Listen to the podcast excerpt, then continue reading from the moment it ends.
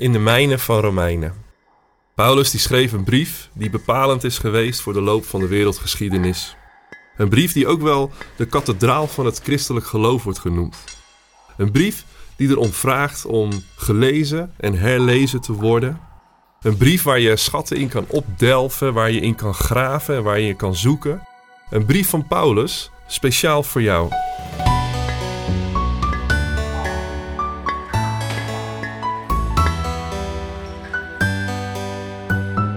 We gaan in deze podcast mijnen in Romeinen.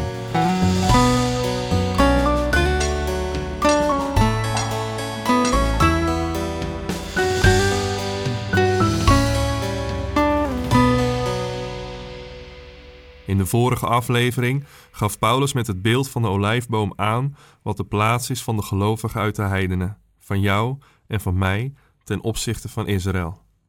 Vandaag lezen we een van de meest bediscussieerde gedeeltes van Romeinen, namelijk vanaf Romeinen 11, vers 25 tot en met 36. Er is, broeders en zusters, een goddelijk geheim dat ik u niet wil onthouden omdat ik wil voorkomen dat u op uw eigen inzicht afgaat. Slechts een deel van Israël werd onbuigzaam, en dat alleen tot het moment dat alle heidenen zijn toegetreden. Dan zal heel Israël worden gered, zoals ook geschreven staat: De redder zal uit Sion komen en wentelt dan de schuld af van Jacobs nageslacht. Dit is mijn verbond met hen, wanneer ik hun zonde wegneem. Ze zijn Gods vijanden geworden, opdat het evangelie aan u kon worden verkondigd. Maar God blijft hen liefhebben, omdat Hij de aartsvaders heeft uitgekozen. De genade die God schenkt, neemt Hij nooit terug. Wanneer Hij iemand roept, maakt Hij dat niet ongedaan. Zoals u God eens ongehoorzaam was, maar door hun ongehoorzaamheid Gods barmhartigheid hebt ondervonden, zo zijn zij nu ongehoorzaam, om door de barmhartigheid die u ondervonden hebt, ook zelf barmhartigheid te ondervinden. Want God heeft ieder mens uitgeleverd aan de ongehoorzaamheid, opdat hij voor ieder mens barmhartig kan zijn. Hoe onuitputtelijk zijn Gods rijkdom, wijsheid en kennis, hoe ondergrondelijk zijn oordelen en hoe onbegrijpelijk zijn wegen. Wie kent de gedachten van de Heer? Wie was ooit zijn raadsman? Wie heeft hem iets gegeven dat door hem moest worden terugbetaald? Alles is uit hem ontstaan. Alles is door hem geschapen. Alles heeft in hem zijn doel. Hem komt de eer toe tot in eeuwigheid. Amen. Als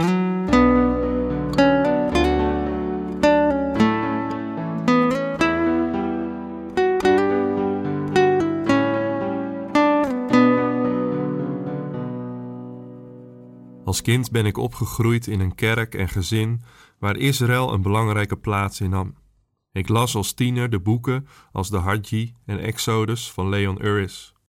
Romantische verhalen rondom de stichting van de staat Israël in 1948 en de ongelofelijke oorlogen die daarop volgden, waar Israël alleen stond tegenover grote, hatende meerderheden die het kwetsbare staartje het liefst in de zee zagen verdwijnen. Oorlogen die tegen de verwachtingen in gewonnen werden door Israël, waarmee ze haar gebied strategisch uitbreiden. De gebeurtenissen rondom Israël en het Joodse volk in de 20e eeuw hebben een bijbelse allure en voeden het geloof en de verwachting van veel christenen dat het heilsplan van God met zijn volk een nieuwe fase is ingegaan. Ik denk dat deze gebeurtenissen op een bepaalde manier altijd de bril gekleurd hebben waarmee ik dit gedeelte van Romeinen 11 heb gelezen. Dat God een eigen weg gaat met Israël, onderscheiden van de kerk. Een weg die uiteindelijk komt tot de redding van heel Israël, zoals Paulus schetst in vers 26. Een weg die ik diep in mijn hart het meest aantrekkelijk vind.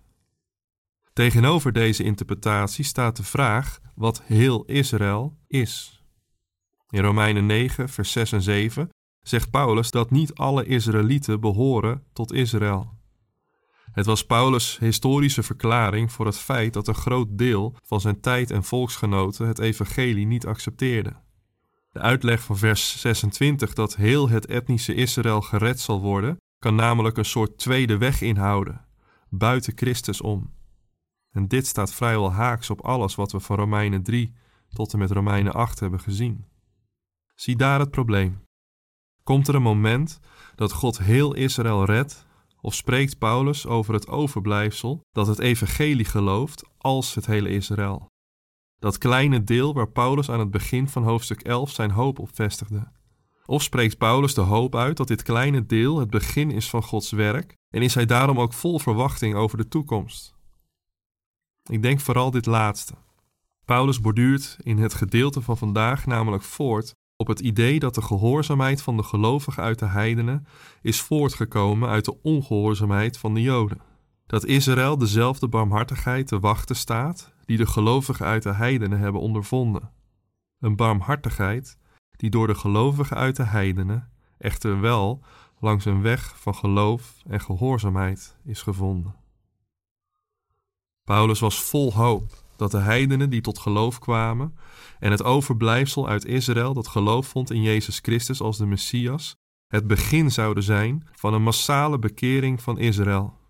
Paulus was vol hoop dat hij dit in zijn leven nog zou meemaken. Het is een van de redenen waarom Paulus met gevaar voor eigen leven, koste wat het kost, en tegen alle adviezen in, na zijn derde zendingsreis terugkeerde naar Jeruzalem. Het is een van de redenen waarom Paulus een collecte meenam naar Jeruzalem, als jaloersmakend bewijs van het geloof van de heidenen in de God van Israël, en als het bewijs dat deze heidenen zich door geloof geënt wisten op de olijfboom Israël.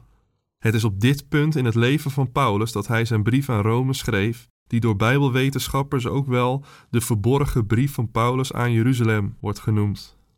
Om duidelijk te maken waar hij stond, wat hij geloofde en wat hij op korte termijn verwachtte.